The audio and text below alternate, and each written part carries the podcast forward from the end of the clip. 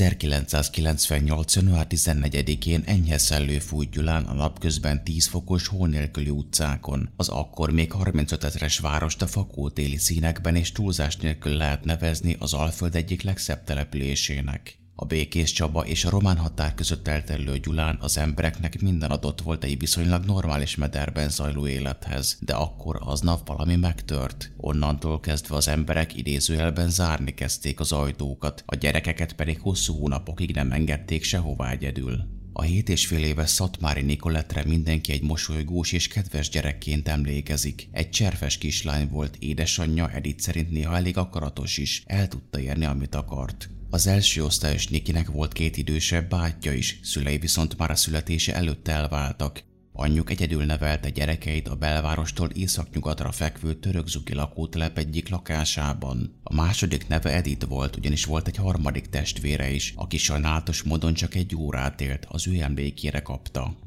A barna hajú, kékszemű kisiskolás logopédushoz járt, hogy tisztában ejtse az S és az R betűket. Jó tanuló volt, nagyon szerette az állatokat és külön a dinoszauruszokat is. Egy kisgyerekhez méltó plusz gyűjteménye is volt. Rajzolni is szeretett, leggyakrabban épp a dínókat. Az apja, Sándor többször is elvitte kacsavadászatra, talán ezért, de azt mondogatta édesanyjának, hogy ő majd vadkacsa szakra szeretne menni a főiskolán. Január 14-e egy szerdai nap volt, az a nap a héten, amitől tényleg senki nem vár semmit, csak hogy végre elteljen és még kettőt kelljen aludni a hétvégéig. A kislányt aznap az édesanyja ébresztette, felöltöztette, a haját is befonta, készített neki egy kakaót, majd együtt elmentek a fogorvoshoz, ahol még meg is dicsérték, hogy milyen bátor volt, matricát is kapott. Ezután beugrottak Krisztinához a keresztanyjához reggelit venni, majd megérkezett az iskolába is. A Gyulai 5. számú általános iskolai osztályfőnöke szerint teljesen átlagos nap volt az ő szempontjából, semmi furcsát nem vettek észre rajta. Niki a hatodik órája után kettő körül egyből a közeli Erkel Ferenc művelődési központba ment át néptáncolni, fél éve járt ide. Papíron a foglalkozás fél háromtól négyig tartott, de a tanár Horváth Péter kb. 10 perccel előbb belengedte a gyerekeket, mert már látszott rajtuk, hogy elfáradtak. Átöltözéssel és mindennel együtt 16 óra körül egyedül indult haza, viszont ekkor is mindig egy olyan fix úton, amit az édesanyjával beszéltek meg, és a lelkére is kötötte, hogy ne térjen el ettől, szófogadó kislány volt. A család lakása a Budapest körúton volt, az odáig vezető út pedig pláne délután négy után elég forgalmas a szomszédos rendelő, sportpálya, iskola, óvoda és élelmiszerbolt miatt. Niki tehát hazaindult egyedül, Edith ekkoriban egy kiállítóteremben dolgozott takarítóként, és az volt a bevet kettejüknél, hogy ha egyszerre végeznek, akkor útközben az Ajtósi Albert utca és a Nürnbergi utca kereszteződésénél találkoznak. Most is ez volt a terv, ugyanakkor a néptáncóra 10 perccel korábbi befejezése miatt Niki előnyben volt, és nem találkozott az édesanyjával, aki 4 óra 5 perckor indult el. Ami biztos, hogy a kislányt a lakótelepi élelmiszerboltnál még látták, ugyanis a gyerek orvosával útközben összefutott az üzlettől 100 méterre lévő rendelő előtt, és együtt mentek az ABC-ig. Ezután negyed öt körül elköszöntek, majd Niki tovább indult az otthonuk felé. Ezzel kapcsolatban fontos, hogy az édesanyjával az volt mindenkorra megbeszélve, hogy ha látta a bolt előtt a bicikliét, akkor mindig bement hozzá. Most ugyanakkor nem láthatta, mert előbb indult el, vélhetően ezért is ment tovább. Maga az üzlet egy szinte teljesen egyenes úton, 850 méterre és sétálva 10-11 percre van a művelődési háztól. Egy 140 centis első osztályos kislánynak persze valamivel több, de mivel nem először ment erre, 16-17 percnél nem valószínű, hogy több lett volna. Tehát az időpontok nagyjából stimmelnek.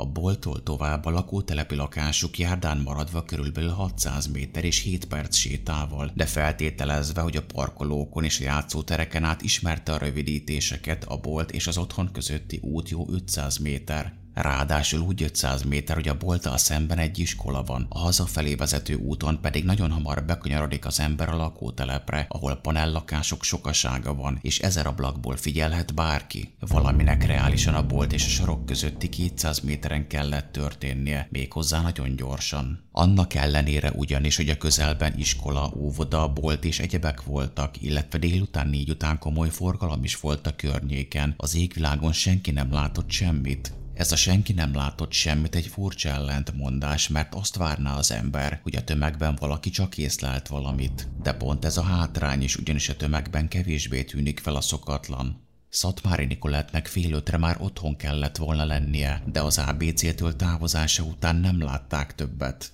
Édesanyja fél hat-hat óra magasságáig várt otthon, mert olyan többször is előfordult már, hogy a kislány hazafelé menet még beugrott játszani egy barátnőjéhez. Addig többször is kiment a lakás rácsos erkére megnézni, hogy hát ha már közeledik, esetleg lent van a lakótelep játszóterén. Edéttel az volt a bevett szokásuk, hogy amikor már be kellett menni a játszásból, akkor az anyukája kitette neki rózsaszín takaróját a rácsra, a kislány pedig innen tudta, hogy fel kell mennie. A szomszédai is azt mondták róla, hogy egy jól nevelt, szófogadó gyerek volt, aki soha nem ment el otthonról anélkül, hogy ne szólt volna valakinek, vagy ne tudták volna, hogy hova ment. Olyan pedig főleg nem történt soha, hogy nem ment volna haza a megbeszélt időpontra. Sajnos azonban Nikinek semmi nyoma nem volt még fél hat után sem. Ezután kezdték el keresni, csatlakoztak a családtagok és ismerősök is, de semmi. Végül este 9 óra 25 perckor értesítették a rendőrséget, akik azonnal munkához is láttak. Felhívást tettek közzé és rendkívüli erőkkel kezdték meg az első osztályos keresését. Később az egyik szakkereső kutya a művelődési háztól el is vezette a rendőröket egy Varsánti utcai házhoz, de a kislányt nem találták ott. Érkezett egy olyan bejelentés is a műfáz egyik dolgozójától, hogy fél hat és hat között látta visszajönni Nikit az épületbe egy ott felejtett piros sálért egy nála alacsonyabb, ismeretlen kislányjal, akit viszont azóta sem sikerült azonosítani. De a legkeményebb, hogy Nikinek amúgy nem is volt piros sája, illetve most figyelj, a sál csütörtökön, tehát másnap délelőtt még az épületben volt, de délután már nem, tehát nem szerdán vitték el. Az egyik művelődési ház melletti fán később találtak is egy 170 centi hosszú, élénk piros sálat, de ez nem biztos, hogy az volt, amit a két kislány keresett. Ezen kívül a Budapest körúti szánkódomban Nikolettet látták játszani több másik gyerekkel, de az utóbbiak által elmondott időpontok nem egyeznek. Természetesen fontos hozzátenni, hogy ahogyan a gyerekek is tévedhettek, úgy az sem biztos, hogy Niki ment vissza valakivel a piros sálért. Minden esetre január 15-én már hangos bemondókkal járták a Gyulai utcákat, rövid időn belül pedig már az ország történetének addigi legnagyobb, eltűnt személy megtalálására irányuló rendőri akciójáról beszéltek. Szolnokról, Jászberényből, Székesfehérvárról és Tatabányáról is érkeztek speciális mentők, hogy segítsék a keresést. A rendvédelmi erők emberei az ország minden részéről érkeztek, bekapcsolódott a kutatásba az ORFK bevetési csoportja is, csak Budapestről 30 rendőrt vezényeltek le az alföldi településre. Több ezer lakásba csengettek be, csatornákat szívtak le, minden bokorba, minden kis üregbe benéztek. Helikopterekkel pásztázták a környéket, valamint szakkereső kutyákat is hoztak a városba. Még a híres mancsot is Gyulára vitték, igaz csak hat nappal később, január 20-án. Megdöbbentő módon azonban a maximális hatósági erőfeszítések ellenére sem találtak egyetlen árva nyomot sem, mintha a kislány egyszer csak kámforrá vált volna a hazafelé vezető úton.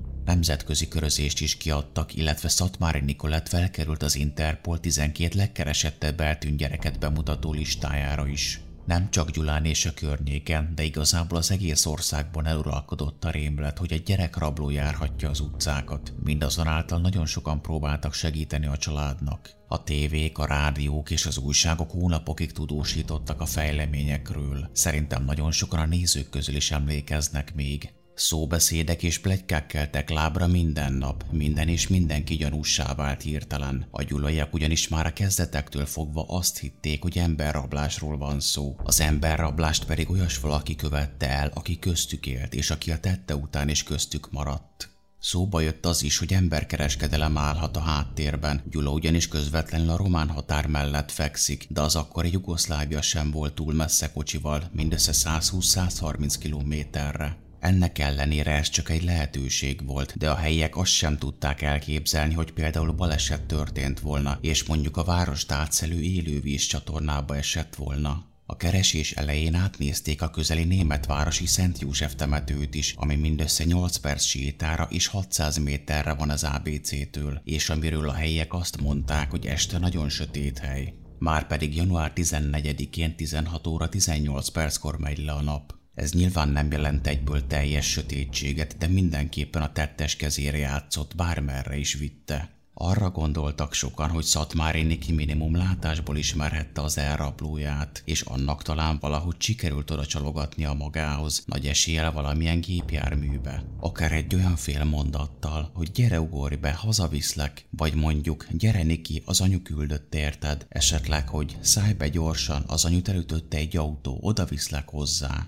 Niki nagyapja később azt nyilatkozta, hogy sajnálatos módon csak a jót mutatták neki, hogy minden ember lehet jó. Viszont ez nem jelenti azt, hogy ne lett volna óvatos. Tudta, hogyan kell viszonyulnia az idegenekhez. Otthon például együtt nézték a csellengőket is. Az anyja szerint egyszerűen csak mindenkinek válaszolt, ha hozzászóltak. Ugyanakkor nem volt benne elég félelemérzet, hogy vele is történhet valami. Egy korlátok nélküli segítőkész kisgyerek volt, a volt osztályfőnöke szerint könnyen alakított ki barátságokat. A családja hitte abban, hogy Niki valahol életben lehet, és talán idézőjelben csak valaki olyas valaki vihette el, akinek nem lehet egy gyereke, és legalább bántódása nem esett.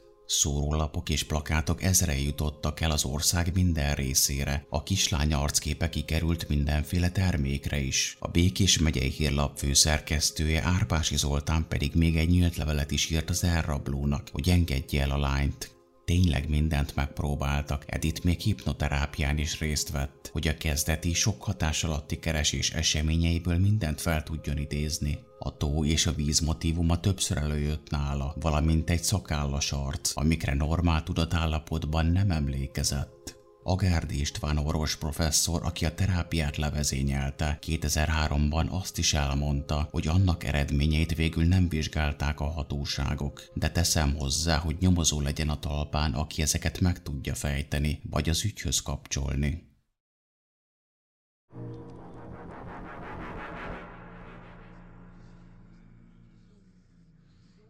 Három évvel később, 2001. február 20-án közmunkások érkeztek egy fehér a teherautóval a város nyugati külterületén található belvízelvezető csatornához, a 44-es főút felé vezető Csabai útra, hogy összeszedjék a szemetet a nádvágók után. Miközben pedig épp a Tinódi utcánál gyűjtötték össze a zsákokat, egyszer csak az egyikük, Benye Sándor odaszólt a kollégájának, hogy egyet hátra hagytak. Ekkor a kolléga Halmos Lajos odament a zöldes színű tápos zacskóhoz, ami annyira tele volt iszappal, hogy alig lehetett mozgatni. Elkezdte vasvillával böködni, hogy kiengedjen, majd hirtelen egy gyerekméretű koponya bukkant fel benne, végül pedig felnyitva szintén gyerekméretű csontokat is találtak. Azonnal értesítették a rendőrséget. Érdekes módon azonban a nádasban dolgozó közmunkások azt mondták később, hogy egy héttel korábban semmi sem volt ott, csak is a nádvágás után tehették oda a csontokat. Egy közelben lakó nyugdíjas pedig azt mondta, hogy sokan járnak arra füvet szedni a csirkéknek, de egészen addig nem találtak ott semmit. Természetesen a megtalálók és a nyomozók is sejtették, amit addig senki sem akart elhinni, de végül a hónapokig tartó DNS vizsgálat igazolta. Az 1998-ban eltűnt Szatmári Nikolettet találták meg. Az otthonától mindössze 1400, a bolttól pedig 1300 méterre. A csontvázán kívül csak az erősen hiányos ruházata került elő. A maradványai mellett ott volt a zöldújú melegítő felsője, a sokszínű pólója és a fehér alapon piros mintájú zoknia, de hiányzott a sárga sapkája, a lila kabátja, a nadrágja, a sárga, fényvisszaverő csíkos iskolatáskája, a fehér rózsaszín cipőfűzős cipője és a bugyja is.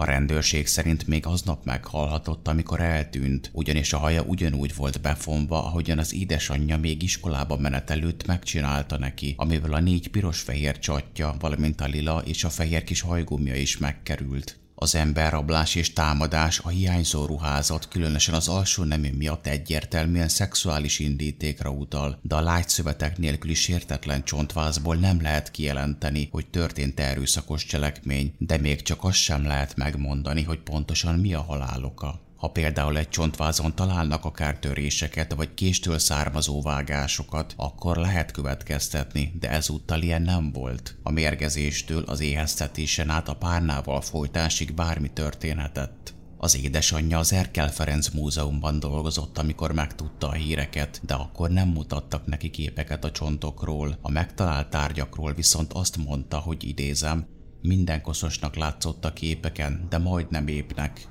Szörnyű kimondani, de a gyors halál és a maradványok közelsége akár azt is jelenthetné, hogy a megtalálásig eltelt három év Benni kivégig ott lehetett az otthona közelében. Bár ez a kevésbé valószínű lehetőség, ugyanis, mint említettem, egy héttel korábban még semmit sem találtak ott a munkások, illetve a környékbeliek se láttak semmit, de az is kiderült, hogy a nádat természetesen az évek során többször is megvágták, de semmi rendkívülit nem észleltek. Ezen kívül a kislány eltűnése után a rendőrség is átkutatta a területet a Tinódi utcával szemben, még úgy is, hogy az víz alatt volt akkoriban. Így tehát arra mutatkozik komoly esély, hogy a megtalálásáig valahol máshol volt, és csak a megtalálása előtt közvetlenül került oda. Fülöp István, a nyomozás vezetője évekkel később azt nyilatkozta, hogy a maradványok alapján azt sem lehet teljes bizonyossággal kijelenteni, hogy nem nő volt az elkövető. Például egy gyermektelen nő, ahogyan arra a család is gondolt kezdetben.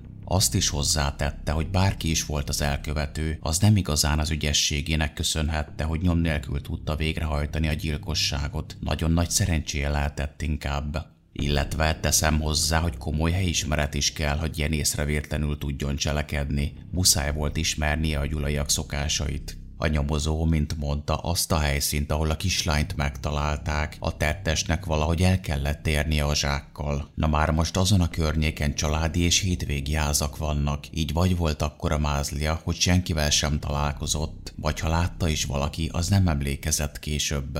Az elkövetés módja ezen kívül korán sem nevezhető tökéletesnek, elég csak az elrejtés helyére gondolni, ahol számolnia kellett azzal, hogy előbb-utóbb megtalálják, vagy a hátrahagyott ruhadarabokra, amiket bár a víz mellett iszabbanázva találtak meg, mégsem tudhatta biztosan, hogy nem hagyott hátra akár egy nagyon kis nyomot. Ugyanakkor arra felhívnám a figyelmet, hogy a Csabai út a megtalálás helye épp kivezet a városból Békés Csaba irányába, így akár arról is lehet szó, hogy a nagy sietség Mennyiségben útközben hirtelen lett kiválasztva a nádas. De ugyanígy a nádas mögött egy erdős rész húzódik, ami a nagy semmibe vezet, és ami egy januári-februári éjszakán mindennél sötétebb lehet, tehát nem is feltétlenül kellett kocsival oda vinnie. Az is külön érdekes kérdés, hogy miért pont akkor került elő a test. A legegyszerűbb magyarázat erre az lenne, hogy megszólalt a lelki ismerete, de az ilyen pszichopatáknak nem nagyon van ilyenje. Valószínűbb, hogy talán eladta a házát, ahol addig volt, esetleg átépítette, csőtörés volt, vagy beköltözött még valaki.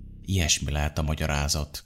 Az eltűnés 23. évfordulóján a magyar narancs írta talán az idézőjelben legkézzel foghatóbbat a lehetséges elkövetőről. Egy neve elhallgatását kérő rendőrtiszt mondta azt a lapnak, hogy idézem, a nyomozóknak volt és van gyanúja a lehetséges elkövetőre vonatkozóan, de nem volt olyan bizonyíték, ami egy büntető ügyben a gyanúsítást megalapozta volna. Egy olyan férfiról van szó, aki három embert biztosan megölt. Az elsőt sarkadon egy kocsmai balhé után leszúrta, majd egy nádasban próbálta meg elrejteni. A második alkalommal már egy kettős gyilkosságot követett el Gyula külterületén a Sándorhegyi tanyaságban, ahol egy idős házas párral végzett.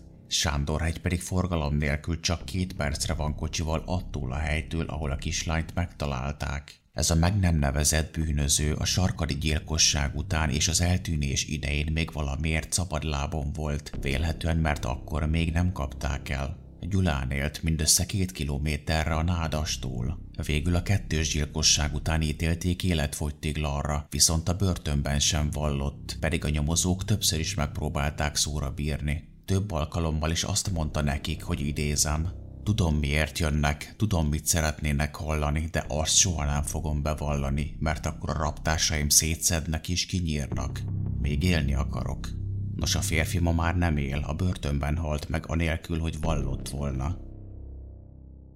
Szatmári Niki Honvait 2001. július 19-én hétfőn egy kis fehér koporsóban temették el a Gyulai Szent temetőben az egyik kedvenc műanyag játékdínójával. Több százan kísérték utolsó útjára. Itt nyugszik Szatmári Nikolett Edit, élt hét és fél évet. Állt a fejfán. Édesanyja azóta mindig azt nyilatkozta, hogy az esze felfogta, hogy a lánya meghalt, de a szíve ezt nem tudja elfogadni. Később pedig azt is elmondta, hogy egy kis dobozban megőrzött néhány csondarabot Niki maradványaiból, mert neki már csak ez maradt. Időről időre érkeznek újabb bejelentések, ezért rendre újra is nyitják az aktákat, de sajnos ennyi idő elteltével már egyre nehezebb előrébb haladni. Ami viszont biztos, hogy több mint 23 év elteltével sincs még gyanúsított sem, senki ellen nincs ugyanis elegendő bizonyíték, és a 2003-ban másfél millió forintról 3 millió forintra emelt nyomra vezetői díj és a gyulai polgármester által felajánlott félmillió forint sem hozott eredményt. Ugyanakkor fontosnak tartok tisztázni néhány dolgot a rendőri munka kapcsán, mivel az Ackerman Dávidról és Oféliről szóló videóim komment szekciójában sokan kisé túlzásba estek. Először is el kell fogadni, hogy a hollywoodi filmek által támasztott elvárások nem állnak köszönő viszonyban sem a realitással. Ebből az esetből is láthattuk, hogy egy 7 és fél éves gyerek eltűnése az ország legkiemeltebb ügye volt, de ha nincsen nyom, a legjobb rendőrök se tudnak mit tenni. Egy eltűnés nyomán indított eljárás, ha csak nem történik új fejlemény a bejelentés után, akkor jobbára az előzmények feltárásából áll a törvényileg előírt keretek között, illetve lehet reménykedni, hogy ennyiből sikerül megoldani az ügyet. De ebben az esetben például nem volt nyom, nem volt szemtanú, nem volt egy biztonsági kamera, olyan gyanúsított pedig főleg nem, aki ellen még bizonyíték is lenne. Szomorú ezt kimondani, de Szatmári Nikolett a véletlenek súlyos egybeesése miatt halt meg, mert lehet, hogyha csak pár perccel előbb vagy később indul el, vagy útközben mégis megvárja az édesanyját, esetleg bemegy a boltba valami édességért, akkor szinte biztos, hogy még ma is élne. Az ő elrablása egy spontán támadás volt, nem valószínű, hogy ő volt a célpont. Szörnyű kimondani, de inkább rosszkor volt rossz helyen. Az viszont nem tűnik spontánnak, hogy a gyilkosa épp a hazamenetelek idején járt egy iskola és óvoda környékén. Aznap a tettes vadászni ment oda, és bárki lehetett volna az áldozata, akiről azt látja, hogy kísérő nélkül van. Nem ment volna oda, ha nem lett volna legalább kicsit is biztos a sikerében, ami már tovább mutat annak a feltételezésnek az irányába, hogy tényleg helyi lehetett, és sokan legalább látásból ismerhették őt is és az autóját is. Nagyon nem kívánom egyetlen szülőnek sem, hogy egy gyerek elvesztését valaha át kelljen élnie. Azt meg főleg nem kívánom senkinek, amit ennek az ártatlan, mosolygós kislánynak kellett a halála előtt.